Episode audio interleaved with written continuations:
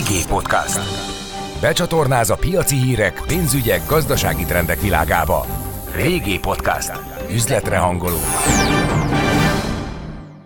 én azt alapvetően nem értem sokszor a befektetők részéről, akik utána mondjuk jön egy ilyen döntés, hogy aukció, és akkor ennyi az osztalék, és akkor utána kicsit hőzöngenek, hogy kevés az osztalék, és Én akkor is azt mondják, hogy tartozom. Na hát akkor ezt például nagyon nem is értem, mert hogy itt pont, amit a Gellért mondott, szerintem teljesen rendben van, hogy, hogyha, hogyha ez, a, ez a nagyon gonosz mester terve itt a Deutsche Telekomnak, hát akkor, akkor miért, miért akarjuk én negatívan árazni a Magyar Telekomot? Ez, ez olyan papír, amit mondjuk 600-700 forinton, vagy tegyük fel, ki fognak vezetni 5 év múlva, hát akkor ez már most egy egyébként tök jó előre tekinti hozamot kínál, tehát nem is itt kéne forogni a részvénynek, akár a piac árazhatná is. Az üzlet egy pillanatra sem állhat meg, de te igen. A VG Podcast bármikor ott van neked. VG Podcast. Becsatornáz a piaci hírek, pénzügyek, gazdasági trendek világába. Konszenzus van köztetek is, vagy hát az elemzők többsége között, hogy ennél azért jóval többet ki tudna fizetni a Telekom. Sokkal többet tudnak kifizetni, de igazság szerint, hogyha a múltba tekintünk, akkor fenékkel nézünk a jövőnek. A következő tíz évben nem lesz gyakorlatilag aukció. Eddig az elmúlt 12-15 hónapban kettő is volt. De Tehát... mindig volt egy momós a Telekomnál. Hol a digi, hol az aukció. Na és most mi lesz? Hol, most nem tudom, most de nincs. most valamit nagyon elő kéne húzni, nagyon hamar. hát most úgy néz ki, hogy nincs, úgyhogy emiatt is vagyok én optimista rá, illetve hogy látom, hallom Norbi is. Figyelj, szerintünk jó sztori. Üzletre hangolunk. Régi Podcast. Nagy szeretettel köszöntök mindenkit a Világgazdaság podcast stúdiójában. Ma a részvénypiacokról fogunk beszélgetni vendégeimmel, Cinkotai Norbertel, KBC Equitas vezető elemzőjével. Szervusz Norbert! Szia, köszönöm a meghívást! És Gál Gellértel, a Concord értékpapír részvényelemzőjével. Szervusz! Sziasztok, köszönöm a lehetőséget! Nos, hát eh, az elmúlt időszakban azért, ha tőkepiacokra nézünk, vagy részvénypiacokra nézünk, akkor azt láthatjuk, hogy csúcson állnak az árfolyamok. Több részvényben is eh, tulajdonképpen új csúcsok dőltek meg, ha csak az OTP-re nézünk, de hát a tengeren túlon is igaz ez. Miközben azért lássuk be, hogy a Covid járványnak korán sincs még vége, a gazdasági helyreállás az talán egy picit, mint halassulni látszik, legalábbis az Egyesült Államokban. Miért van ez a töretlen optimizmus az emberekben? Hát ö, ingyen van a pénz, vagy talán ez a, az egyik legilyen ö, általánosabb ilyen klisé, amit szoktak ilyenkor puffogtatni így a gazdasági szakértők.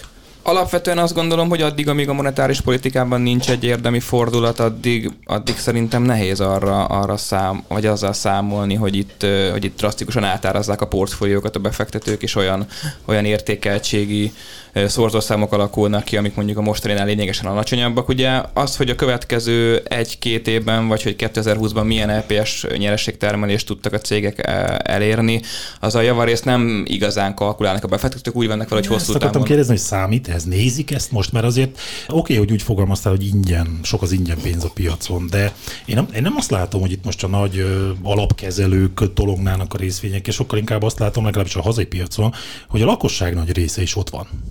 Hát szerintem mindkettő ott van. Tehát én azt gondolom, hogy a, ennek a kettőnek, mind a kettőnek együtt kell jelen lenni a piacon.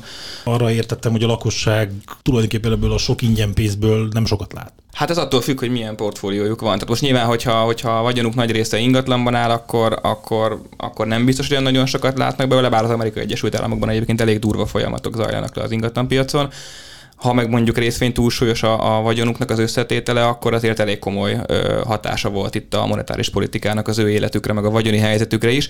Én amit látok, én ahogyan ezt gondolom, az az, hogy a, a, a monetáris politika nem változtatott tulajdonképpen érdemben ahhoz képest, ami, ami a, a 2010 és 20 közötti években volt maximum annyit, hogy még jobban nyomják a gázpedált, ami a monetáris stimulusokat illeti, és a befektetők azt igazán nem akarják még elhinni, hogyha itt a fiskális politika is kőkeményen elkezdi szórni a, a lakosság felé a pénzt, ami nyilván náluk közvetlen formában is majd lecsapódik, akkor az inflációt gerjeszthet előbb vagy utóbb, amire a monetáris politikának muszáj, hogy legyen egyfajta szigorító lépése, válasza. Ezt nem árazza egyelőre a piac, tehát igazából most a, a két jó helyzet közül próbálják azt árazni, hogy a monetáris politika is támogat, a fiskális politika is támogat, és az idő, idők végtelenségéig ez így lesz, ez nyilván nem lesz így. Hát olyannyira nem, úgy ugye már a Magyar Nemzeti Bank is jelzésértékű kommunikációt folytat azzal kapcsolatban, hogy itt hamarosan már kamatemelésre kerülhet sor, sőt, hát a Fed is itt a Gellért csűrűn bólogat. Lehet arról szó, hogy most a, gyakorlatilag a tőkepiacon azok a pénzek vannak, amelyeket a járvány során a lakosságnak mondjuk sikerült megtakarítania, és ezek előbb-utóbb ki fognak kerülni, miután mondjuk az emberek elindulnak nyaralni? Ez egy nagyon jó kérdés egyébként, nekem ez, ez az egyik legnagyobb félelem, tehát hogy az előző évben ugye bár nem, nem igazán tudtak elmenni nyaralni, utazgatni, egy csomó megtakarítás felhalmozódott, és mi van akkor, hogyha most igen, tényleg kinyílik a gazdaság, illetve kinyílik a lehetőségek tárháza, hogy elkezdjenek utazni, vajon a megtakarítási ráta az, azzal mi fog történni? Tehát, hogy ha az mondjuk visszaesik drasztikusan, vagy éppen, hogy Isten csak szimplán annyi történik, hogy a megtakarításukhoz hozzányúlnak, és elkezdik lesz egy, ez lesz egy outflow a, a, a részvénykitettség, vagy a, a, a portfóliókból, akkor azért meg tudja ütni mondjuk az, az értékeltséget, főképp akkor, amikor úgymond tényleg a, a visszavesznek a, a gázpedálból a jegybankok az infláció miatt. Úgyhogy ez, ez, ez egy potenciális veszélyforrás, amire szerintem érdemes figyelni mindenféleképpen. Most mi van akkor, hogyha mondjuk megnézzük egy kicsit a szektorokat? Ugye ezt jól láttuk, hogy a járvány alatt ugye azok a cégek teljesítettek inkább jobban, mondjuk a tech szektor tegyük fel, illetve azok, amelyek kevésbé voltak kitéve ennek a járványnak. Most azokat a részvényeket kellene megvenni mondjuk egy utazási irodának? Hát én azt gondolom, hogy itt az attól függ, hogy kinek mi a jövőképe. Tehát, hogyha azt gondoljuk, hogy a világ az valamelyest visszatér abba, abba a normál kerékvágásba, előbb vagy utóbb, ami mondjuk 2000 2009-ben, vagy 2019-ben, 2020 első egy-két hónapjában is még volt, akkor, akkor azt gondolom, hogy persze, hiszen ezek a részvények alapvetően alul vannak értékelve. Itt a jelenlegi kihívásokat eléggé felnagyítják a befektetők, és egy kicsit negatívabb szemüveggel látják ezeket a történeteket. Légitársaságok akár ilyenek lehetnek például. Csak kérdés, hogy az oda vezető út, amit most azt gondoljuk, hogy egy, egy, egy, egy jó jövőkép lesz majd öt év múlva minden megint rendben lesz, az oda vezető úton milyen visszaesésekkel kell majd számolni a, a befektetőknek, amikor jön egy újabb hullám, egy újabb mutáció, infláció. Reméljük egyébként, hogy nem így lesz, de azért az esélyét sajnos nem lehet kizárni, és akkor ezt ki tudják-e ülni a befektetők. Tehát ugye az időtáv az egy elég komoly kérdés. Ez azért is érdekes, mert ugye a Concord, és most nyilván Gellértre nézek, ma jött ki egy ajánlással a vízerrel kapcsolatban. A lényeg az, hogy el kéne adni a papírokat ez alapján. Miért? Azért, mert azt veszük észre egyébként, hogy árazottság tekintetében gyakorlatilag 30 kal a korábbi átlagos értékeltsége fölött forog, és gyakorlatilag többet ér a cég, mint amikor tényleg csinált pénzt, és, és a flottájának 90%-át kihasználta, szemben a mostani 30-al. Lehet, hogy, illetve hát kétségtelen az, hogy egy csomó új bázis nyitott a cég, és piaci részesedést fog nyerni, illetve nyert is, és hatalmas növekedési potenciál van benne, de egyelőre le is kéne. Tehát ez, egyelőre úgy gondoljuk, hogy ez, ez messze van attól, hogy realizálódjon, történjen meg, és akkor aztán valóban érhet úgymond többet, de jelenleg úgy néz ki, hogy, hogy, hogy, hogy, hogy ez úgy gondoljuk, hogy túlértékelt ezek az árakon. De akkor, ha jól értem, akkor ez nem csak a vízerre lehet igaz, hanem adott esetben többi fapadosra is? A Ryanair a, a kollégám sokkal inkább optimista. Ő azt mondja, hogy értékeltség tekintetében, a, tehát mondjuk, hogy azt nézem, hogy az előző három-négy évben, kivé, nem 2020-at nem nézve, nagyságrendi különbségek vannak a között, hogy a Vizer, illetve mondjuk a fapados társa a Ryanair hol trédel. Tehát míg a Ryanair köz, körülbelül az átlagos értékeltségi szintjén van, ez mondjuk egy, egy per nézve, a Vizer az olyan 20-30 százalékkal fölötte prémiummal forog. Igen, de azt is mondták annak idején, hogy a vízernek sokkal nagyobb a növekedési potenciálja, pontosan amiatt, mert ugye itt a régióban érdekelt, és itt a régióban nagyobb a növekedési lehetőség, vagy, vagy kisebb a, a penetráció. Nézzünk rá az olajára.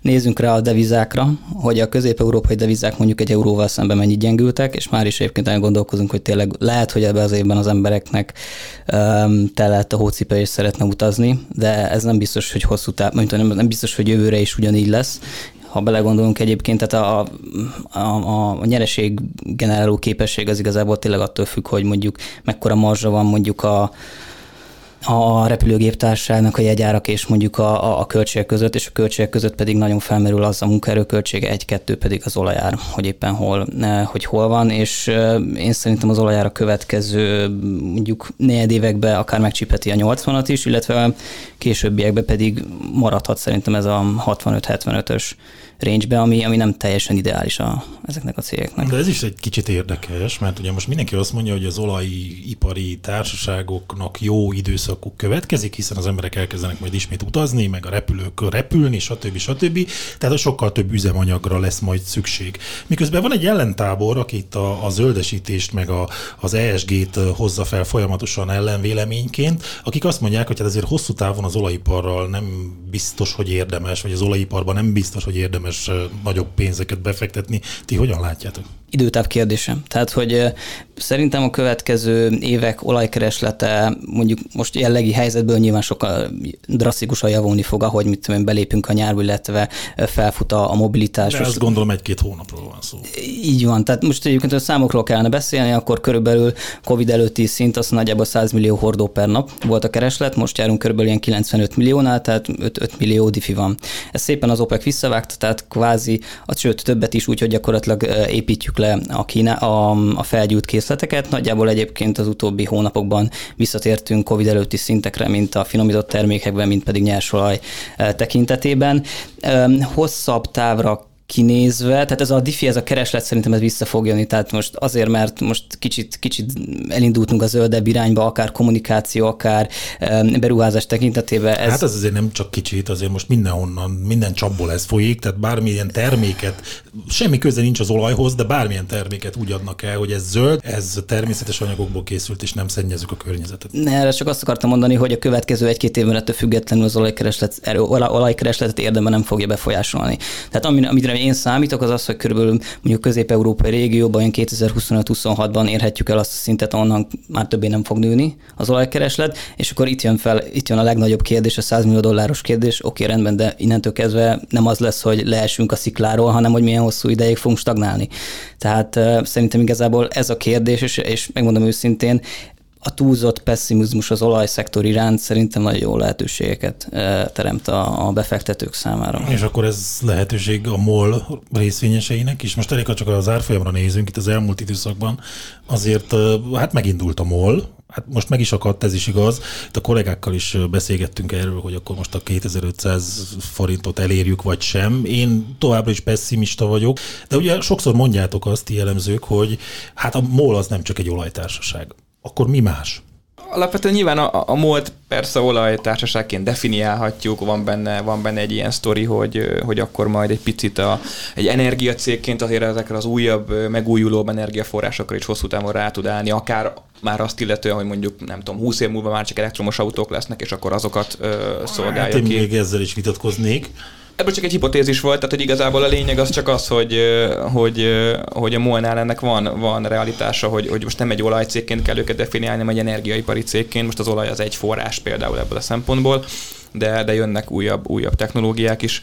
Én azt gondolom, hogy a MOLT elsősorban olajcégként kell még jelenleg számon tartani, olajcégként kell értékelni, és, és alapvetően az én is egyetértek, hogy az olajcégeknek az értékeltsége az nem annyira kéne, hogy alacsony legyen, mint amennyire a befektetők Jó, beszéljünk konkrétan a MOL-ról.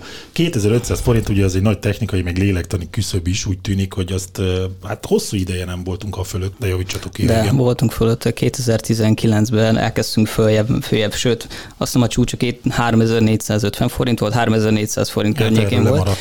Um, igen, mert igazság szerint 2000, 2019-ben eszméletlen, sőt 2018-ban is nagyon jó lehetőségek elé nézett a MOL, illetve rohadt nagy, nagy, nagyon nagy fantázia volt benne, hiszen 2020-ban jött volna egy szabályozói változás, ami miatt a dízelkereslet drasztikusan megnőtt volna, mert a tankerhajók át kellett eh, álljanak a a, a, a magas kén tartalmú üzemanyagról, dízelre, és az IMO, úgy hívják, hogy IMO, és akkor emiatt nagyon megnőtt volna a dízelkereslet, és a molnak ez nagyon jó lett volna. Olajkereslet oldaláról is nyert volna a magasabb olajáron, illetve a, a dízelkereslet miatt. Most az... a szavaidból azt vonom le, hogy ez nem sikerült, hiszen túl sok volt a volna. Így van, így van, tehát, tehát ezért esett úgymond olyan nagyot, ilyen, olyan magasról, úgymond a MOL 3400-ról gyakorlatilag 1500-as szintre, mert egy magasabb felfokozott várakozásokból estünk, érkeztünk meg a Covid-ba, úgyhogy emiatt volt az a, az a úgymond közel 2000 forint nyesés, és, és hogyha visszamehetünk arra, hogy most hogyan áll, illetve milyen árazottságon van, én most is számolgattam jelenlegi spot árakat nézve, tehát jelenlegi 70 dolláros nyersolaj, 4 feles, 5-ös finomítói marzsok, eszméletlen petrokémiai marzsok, gyakorlatilag soha nem volt, soha nem volt még ilyen magas petrokémiai marzsa a molnak, tehát elképesztő. De a molnál eddig sem az volt a baj, hogy ne lenne elég készpénztermelő képessége, vagy ne lenne elég kesse.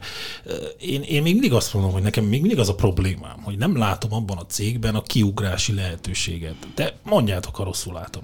Ha pusztán értékeltséget nézünk, az átlagos az kb. 8-as pépere, és szerintem egész könnyen meg fog tudni, csinálni 400 forintot részvényenként. Meg tudna csinálni, ebben egyetértünk, de meg is fogja? Hát az a kérdés egyébként, hogy a későbbiekben fenn fogna maradni ez az iparági környezet, és hogyha belegondolsz, hogy a mobilitás az, az továbbra is javul, a, a, a, a vírus számok, az új a fertőzés számok azok a legtöbb országban azt mondhatjuk globális szinten, hogy javulnak, a vakcinázottság az is szintén arra mutat, hogy, hogy egyre több ember tud visszatérni a, a, ahhoz, hogy tudjon utazni, akkor viszont szerintem egész jó lehetőségek elé néznek a befektetők, így a, a MOL szempontjából. Norbi, te hogyan látod ezt? Hát alapvetően én ugye most csak egy apróságot tennék hozzá, hogy én úgy tudom, hogy a MOL-nál ilyen 50 dolláros Brentárral számolgatnak, most ezt képest vagyunk 70-en, tehát ö, akár könnyen elképzelhető, hogy lesz egy, kicsi, lesz egy kicsit még fölfelé ez a, ez a Brent. Nem tudjuk, hogy mondjuk az iráni kínálattal ott, ott pontosan akkor, hogy hogyan sikerül zöldágra vergődni, visszatére, milyen mértékben tére vissza. Látszólag az OPEC nagyon jól kontrollálja a kínálatnak azt, az, azt a részét, ami az áraknak az egyébként picit talán magasan tartásához szükséges ebből adódóan én azt nehezen, én inkább úgy tenném fel a kérdést, hogy mekkora esély van arra, hogy idén már 3000 forintot is eléri a MOL. Szerintem is simán van egy 20-30 százalék. Lehet, van céláratok a MOL-ra? Van célárunk a MOL-ra. 2500 forint környékén van a célárunk. Ez azt jelenti, hogy ez nem 3000 forintos, viszont ez az inga ez simán túllendülhet abba az irányba, akár, akár a, a piaci optimizmus azt illetően, hogy itt a gazdaságok javulnak, a kereslet akár az olajpiacon jobban visszatér, az emberek újra elmehetnek, utazhatnak.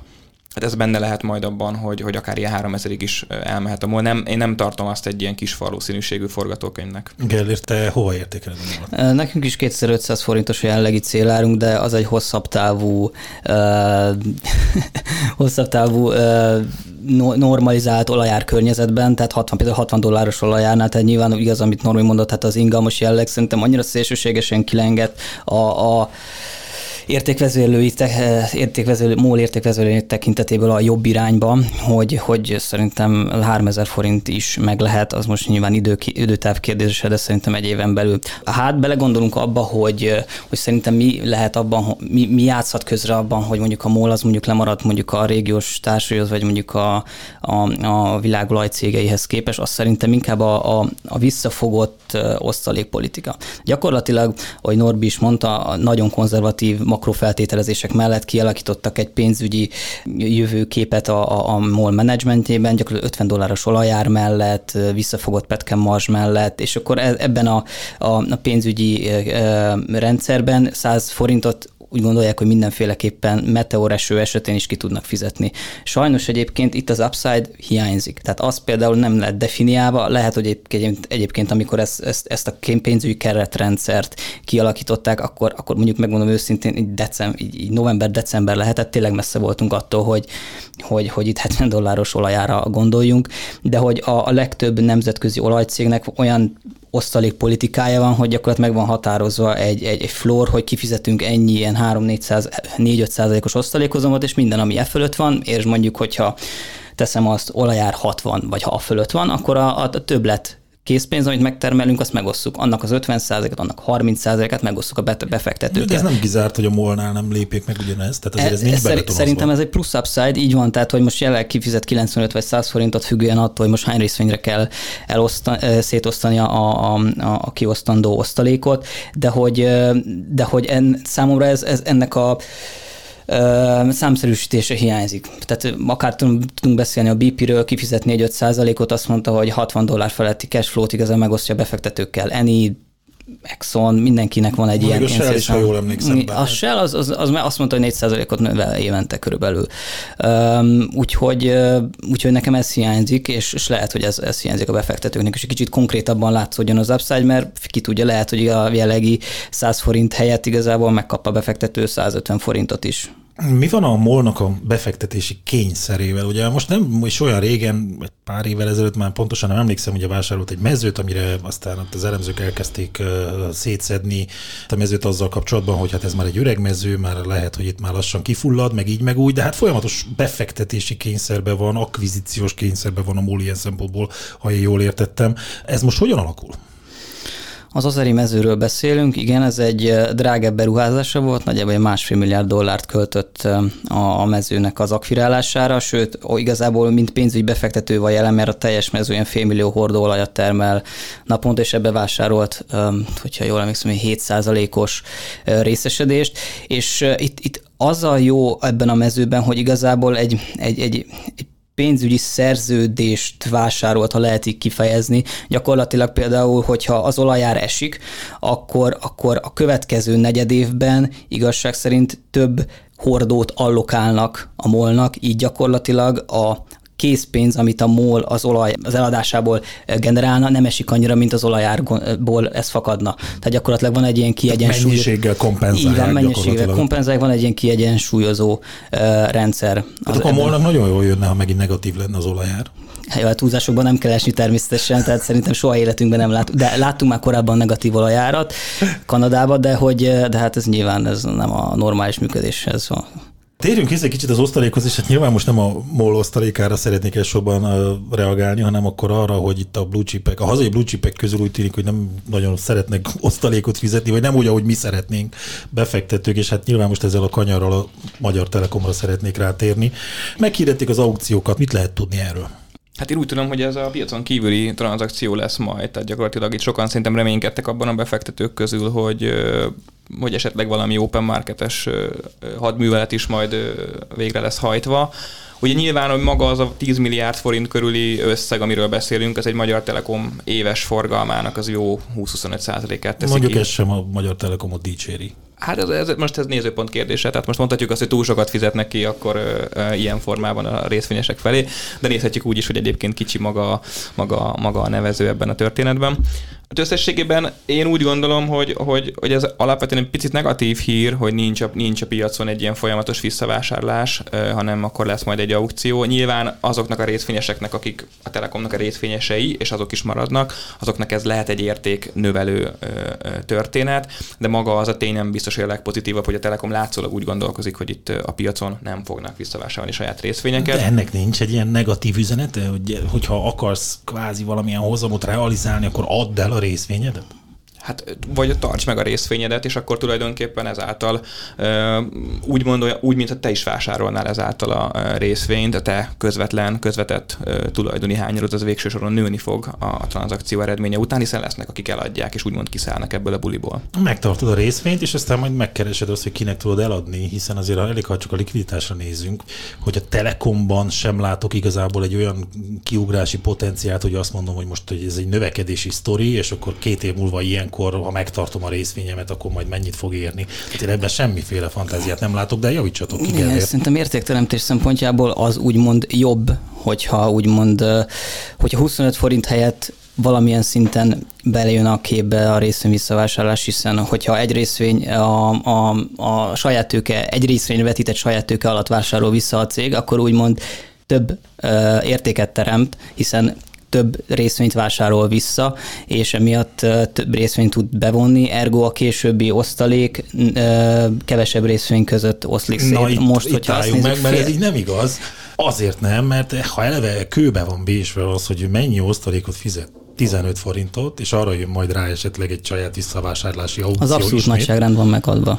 Tehát, hogy igazából 25 milliárd, tehát 20 milliárd forintot ki fog fizetni, kevesebb részvény között oszlik szét, akkor az javul egy részvényre. De azért nem vagyok benne ebben biztos, mert hogyha azt mondja, hogy 25 milliárd forintot fizet kvázi, vagy juttat vissza részvényeseknek, de abból fixen 15 forintot osztalékként, és a fennmaradó részt mindig a saját részvényvásárlásra fordítja, és ezáltal ugye csökken a közkészhányad, egyre távolabb kerülünk azoktól a részvénykosaraktól, amiben ugye korábban benne voltunk. Tehát ha az osztalék mindig ugyanannyi, és a felvásárlásra szánt összeg növekszik, azzal én miért tudok nyerni. Igazság szerint az nincsen deklarálva, hogy pontosan mi lesz egyébként a megoszlása annak, a, hogy 15 forintos szélék, illetve 10 forintra vetített részvény visszavásárlás. Az van deklarálva, azt deklarálták, hogy folyamatosan növekedni fog ez a részvényesi kifizetési hányad, illetve pontosabban a nagyságrend, amit a részvényesek meg fognak kapni. Tehát, hogy belegondolsz innentől kezdve, hogy hogy visszavásárolnak részvényeket, és, és, és mag, több osztalékot, illetve magas többet fognak visszafizetni, akkor az egy részvényre jutó kifizetés fokozatosan nőni fog, és mind abszolút értékben, mind egy részvényre rávetítve. Ráadásul egyébként, ha megnézed a tavalyi aukciót, akkor úgy néz ki, hogy, hogy, a, hogy ezt pusztán a közkészhányadból vásárolták vissza mind a 5 milliárdot. Ha, kvázi Deutsche Telekom nem adott el gyakorlatilag bevonja, ha be, amint bevonja a részvényeket, gyakorlatilag a Deutsche Telekomnak a részesedése nő.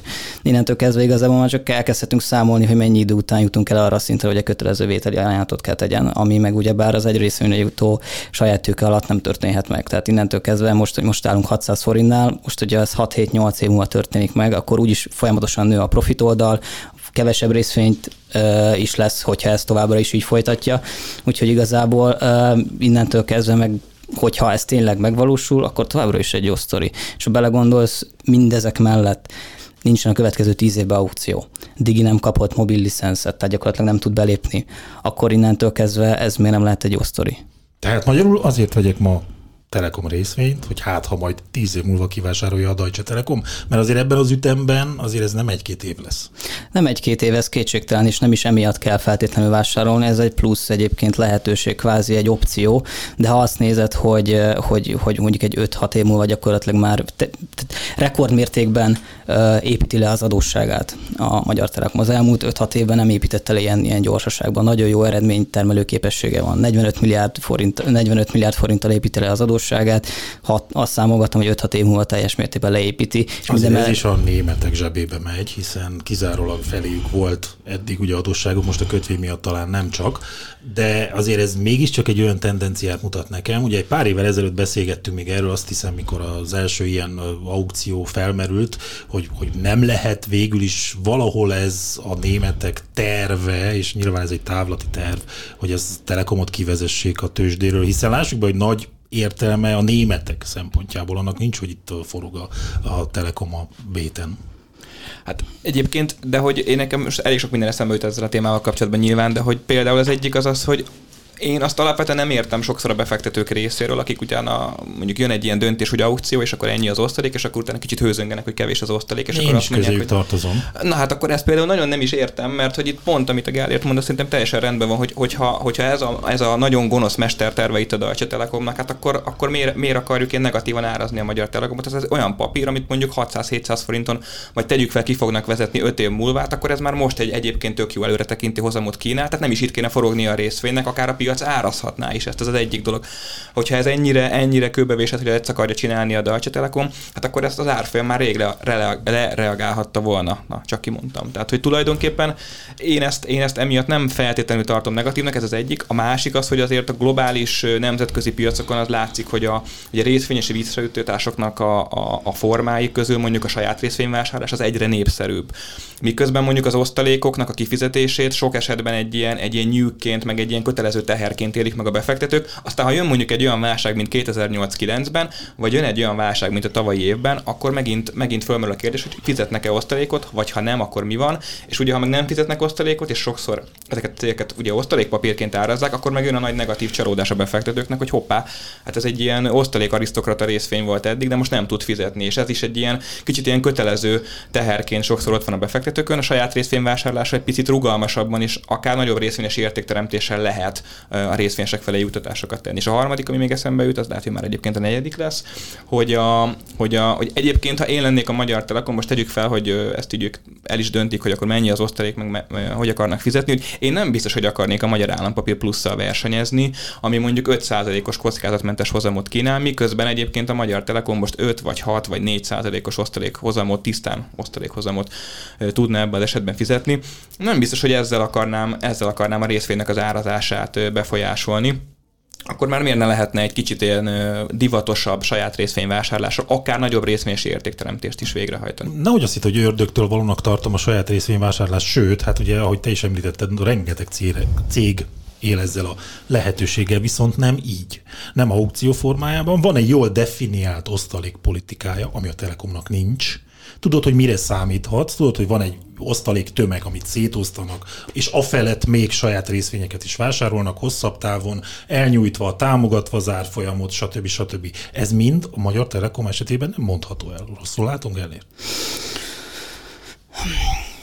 Én, bocsánat, én, én, szerintem azért nagyjából előrejelezhető. Most ha megnézem az elemzői konszenzust, hogy az osztalékra, illetve a részvényes kifizetésekre mit várnak, szerintem, szerintem ez nem egy ilyen hát Tesla árbevétel a következő öt évben típusú történet, hogy nem Több elemzői konszenzust olvastam az elmúlt időszakban, amire aztán utána a, megjelentek a valós bejelentések, és akkor hát meglepetésként érte az elemzőket című címekkel találkoztam a médiában is, az, hogy tulajdonképpen alacsonyabb az osztalék annál, mint amire számítottak. Nem beszélve arról, hogy azért azért abban konszenzus van köztetek is, vagy hát az elemzők többsége között, hogy ennél azért jóval többet ki tudna fizetni a Telekom.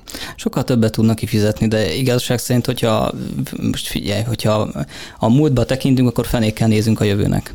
Nem? Tehát akkor, akkor meg figyelj, következő tíz évben nem lesz gyakorlatilag aukció. Eddig az elmúlt 12-15 hónapban kettő is volt. De Tehát... mindig volt egy mumus a Telekomnál. Hol a digi, hol az aukció? Na és most mi lesz? Hol, most nem tudom, most de nincs. most valamit nagyon elő kéne húzni, nagyon hamar. hát most úgy néz ki, hogy nincs, úgyhogy emiatt is vagyok én optimista rá, illetve hogy látom, hallom Norbi is. Figyelj, szerintünk jó sztori. Ha már arról beszéltünk, hogy a Telekom menedzsmentjének elő kell majd húzni egy újabb mumust ahhoz, hogy az osztalékot féken tudja tartani, akkor újra itt lesz egy mumus, a Digi, megint a Digi, de nem úgy, hanem úgy, hogy a Forage ugye bejelentette, hogy ajánlatot tennének majd a Digire, most folyik az átvilágítás.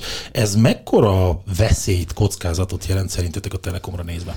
Szerintem ez attól függ, hogy, hogy, hogy a menedzsment, a jelenlegi menedzsmenttel mi történik, illetve a, a cég stratégiai fókusza megváltozik, vagy sem. Tehát, hogyha például ugyanúgy fogja folytatni az agresszív terjeszkedési stratégiáját, akkor, akkor igazság szerint a jellegi helyzet áll fönn, nem fog változni túl sok minden, Digi nem tud belépni a mobilpiacra, tehát igaz, igaz szerintem nem, nincs mitől félni.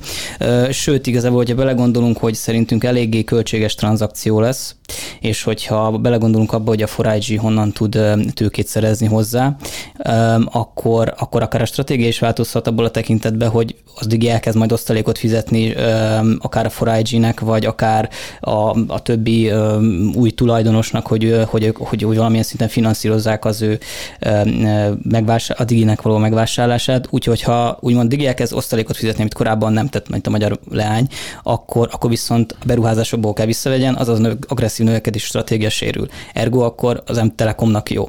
Először. Másodszor, mivel a Forage-nak, Forage mondhatjuk ahhoz, hogy, hogy kvázi kormány közeli uh, cég, akkor ha belegondolunk, hogy uh, akár a Telekom, akár a Digi is uh, fizet közműadót. Tehát, hogy belegondolunk abba, hogy hogy ha meg akarjuk könnyíteni a Diginek a helyzetét, hogy akár finanszírozzuk a tranzakciót, akkor ennek az eltörlése szintén az egész telekom szektort érinti, úgyhogy szintén jó a telekomnak. Hosszabb távon tekintve viszont nem lehet elmenni anélkül, hogy, hogy itt egy házasság nézünk elébe, a Telenor, illetve a, a Digi lenne a két főszereplő, hiszen, hiszen a Telenornak mobilhálózata van, a Diginak pedig fix vezetékese ergo egyszerűen üzletileg nagyon megérni őket valamilyen szinten, illetve nem valamilyen szinten, hanem hogy összefúzionálni. Hát megmondom őszintén, az merült fel bennem korábban is már, hogy miért nem veszi meg a Telenor a Digit, vagy fordítva a Digi a Telenort, de azért azt lássuk be, hogy a Forage valahogy mindenhol ott van most már, tehát egy picit az Antenna Hungárián keresztül ugye a, a Telenorban is, és most hát valóban a Digit megvásárolná, akkor azért ez a Telekomra nézve nem túl jó hír, hiszen akkor valóban meg lesz mind a két platform, tehát most úgy értem, hogy a mobil is, meg a vezetékes. Hát ugyebár jelenleg, jelenleg ugyebár a Telenornak a részvényesi struktúrája az 75% a PPF, illetve 25% az Antana Hungáriáé.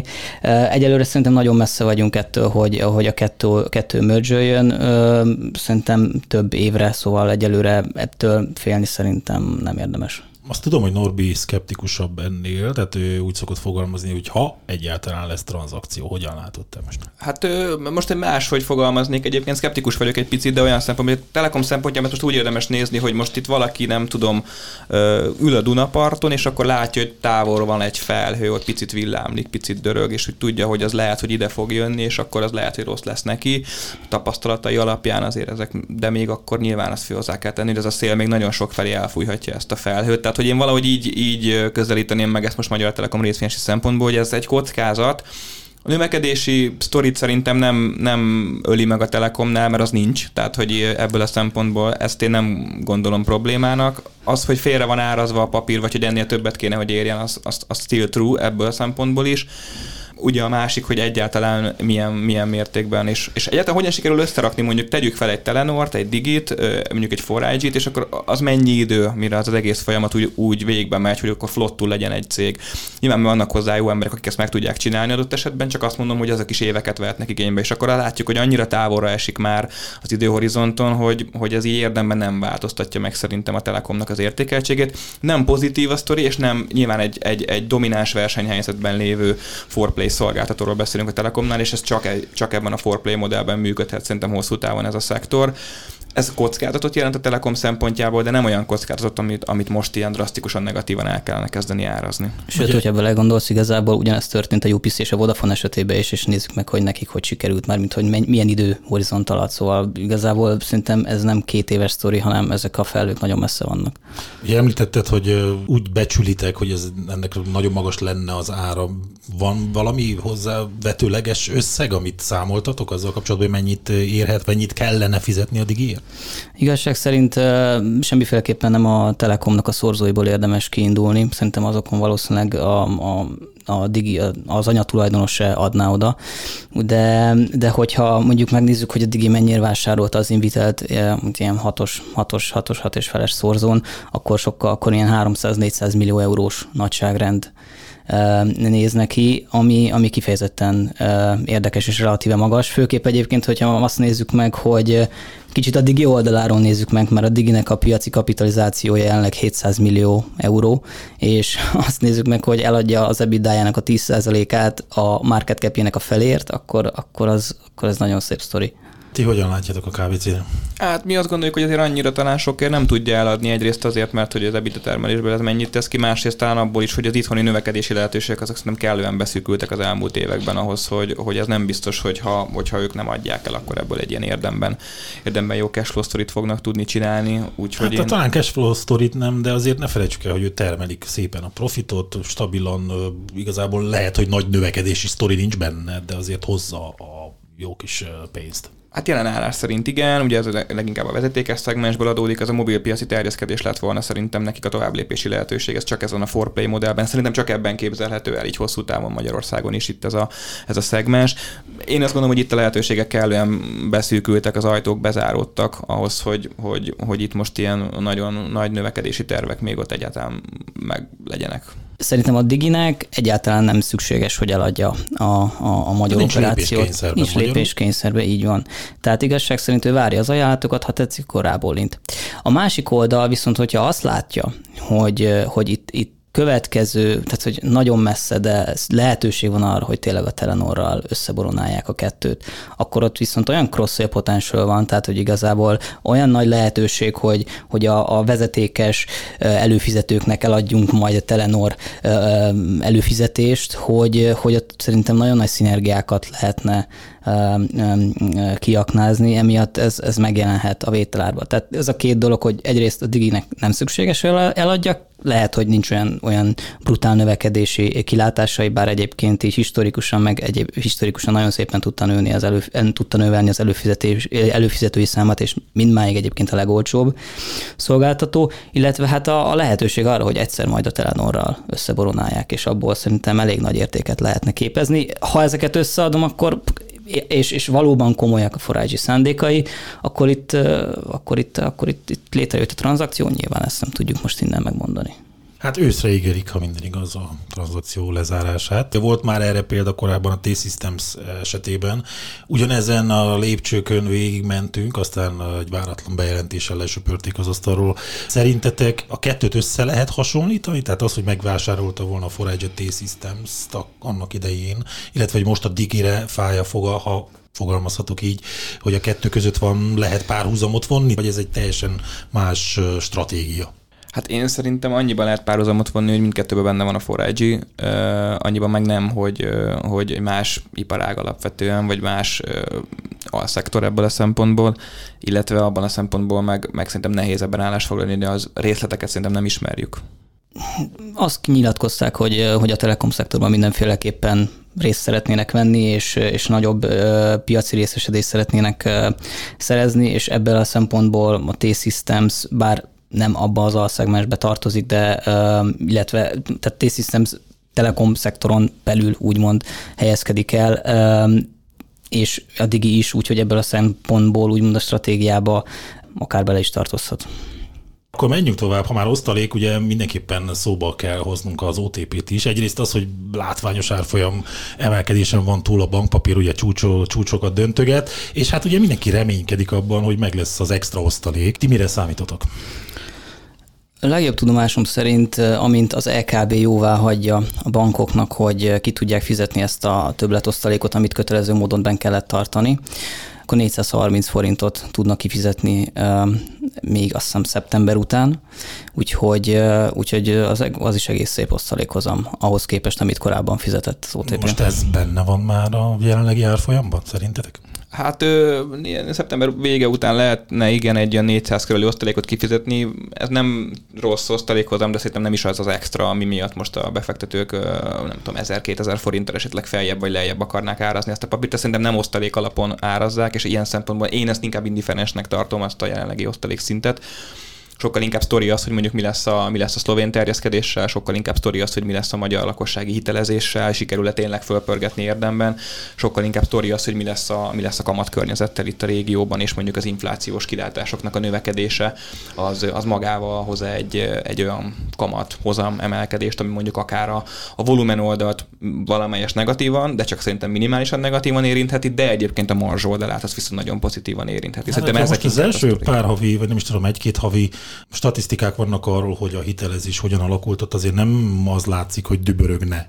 Viszont valóban jó oldala az, hogy az infláció megugrásával itt sokan számíthatnak arra, hogy normalizálódik valamilyen szinten a kamat környezet, és hát ez nyilván a, a marzsok szempontjából jó lenne az OTP-nek. Erre gondolsz?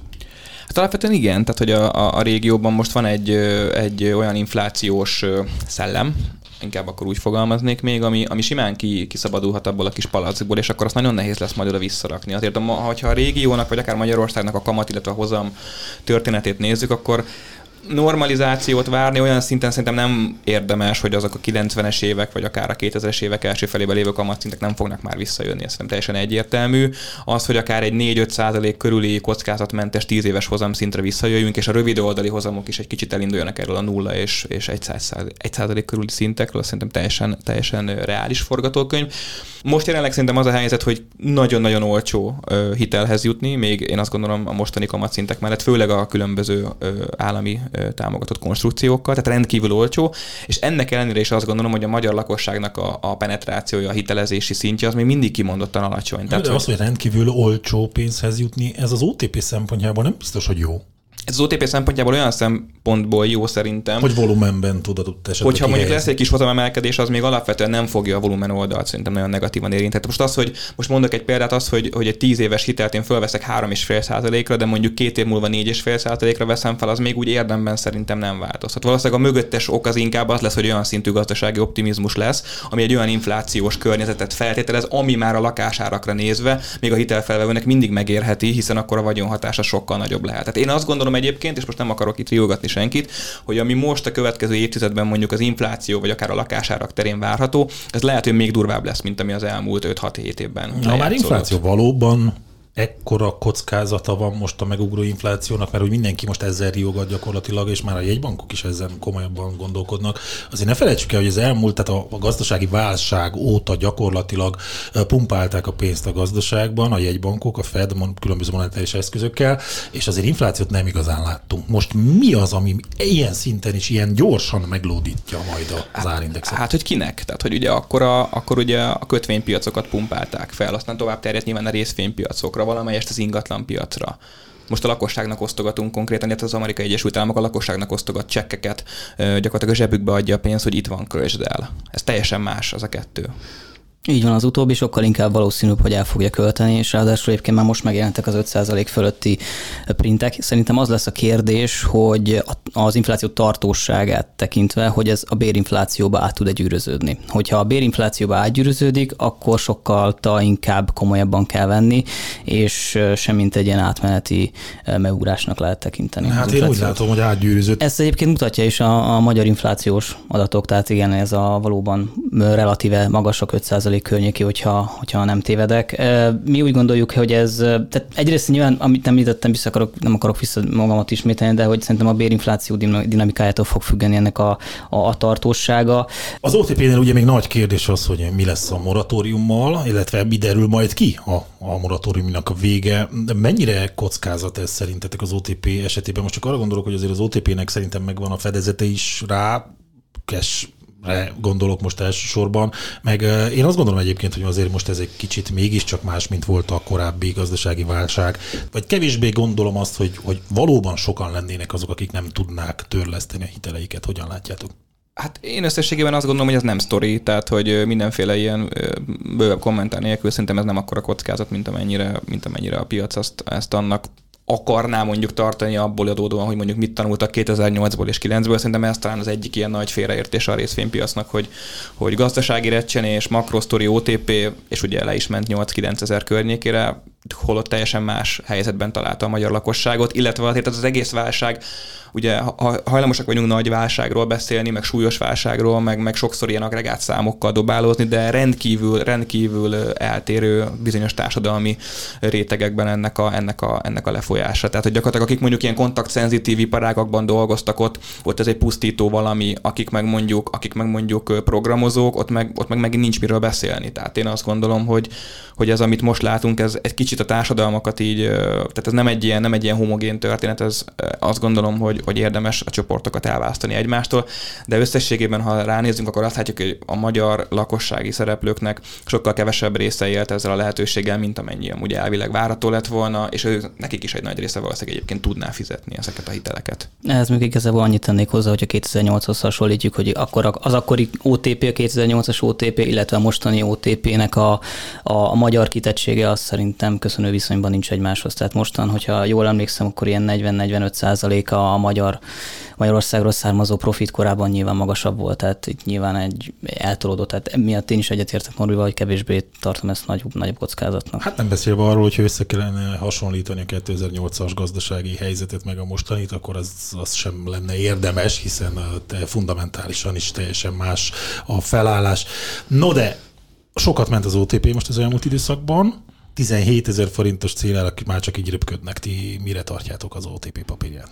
Mi azt gondoljuk, hogy most a szlovén bevásárlás után ilyen 16.500 forint környékén kellene legyen a, a felértéke. Úgy gondoljuk, hogy, hogy ez mindenféleképpen értékteremtő vásárlás volt. Ha belegondolunk, hogy Szlovéniában ezzel a bevásárlással is piacvezető lett ki tud alakítani a, az ott lévő leányával ad itt plusz szinergiákat, úgyhogy ez szerintünk mindenféleképpen egy jó vásárlás volt, és nyilván már kérdésem mindent is ez még nem deklarálták, illetve nem derült ki, hogy pontosan milyen értékeltség mellett vásárolták. Ilyen de eddig euró így van. olvastam én, ez mennyire reális egyébként? 997 millió euró a, a, bukve, a, a saját tőkeértéke a, a Novabanknak, hogyha körül történt meg, akkor mindenféleképpen... Hát az nem jellemző az OTP-re, sokkal drágább drágában vásárolna, mint a könyv szerinti érték, tehát legalábbis a, a múltban az mindig alatta volt inkább. Igen, az utóbbi időben nagyon jó track recordja van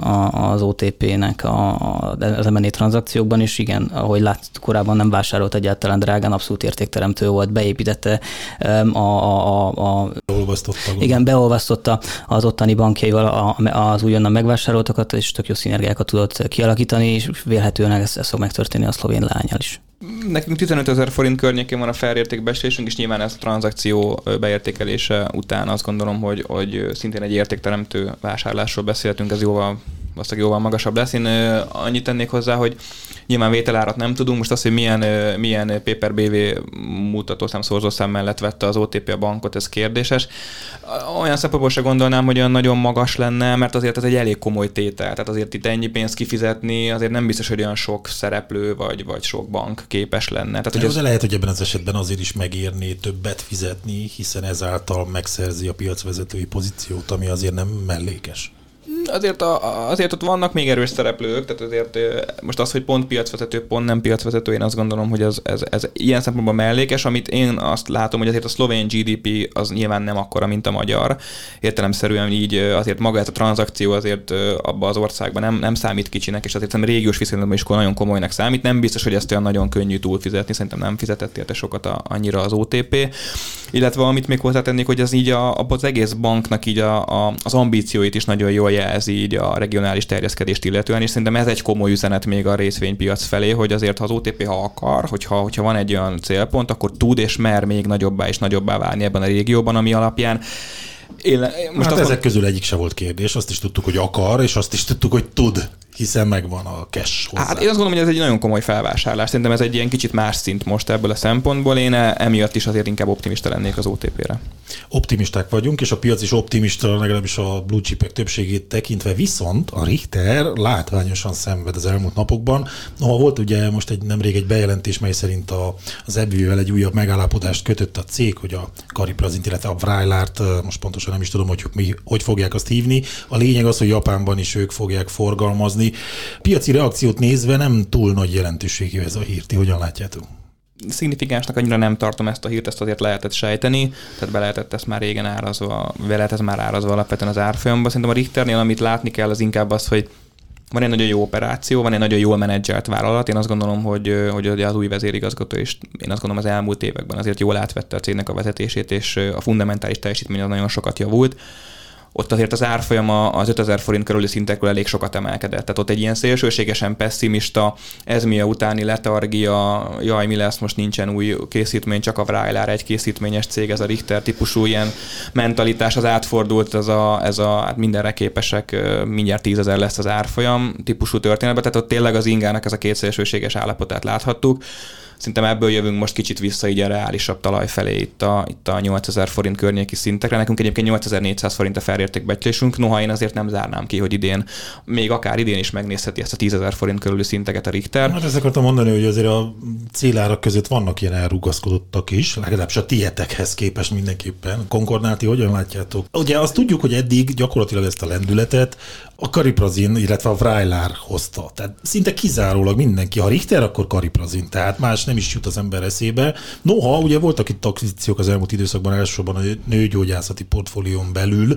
Igen, mi úgy gondoljuk egyébként, hogy 10 forint környékén kellene legyen a felértéke a Richternek, és, és még rengeteg pénzbe fog folyni a Vrajlerból. Tehát, hogyha, hogyha ránézek egyébként az előrejelzésekre, akkor a következő években 20%-kal kellene nőjön az EPS, hogyha, hogyha a Vrajler tényleg hozza azokat a számokat, amiket, amiket az EBVI mondott, hogyha mondjuk a peak, peak sales az mondjuk elérheti a, a, a 2,4-3 milliárd dolláros értéket pusztán csak Amerikába, akkor, akkor abszolút elképzelhető, elképzelhetőnek tartom, hogy akár a következő 3-4 évben ilyen 50-60 százalékkal magasabb LPS-eket látunk a Richtertől, úgyhogy, úgyhogy szerintünk ez nagyon nem egy lefutott sztori.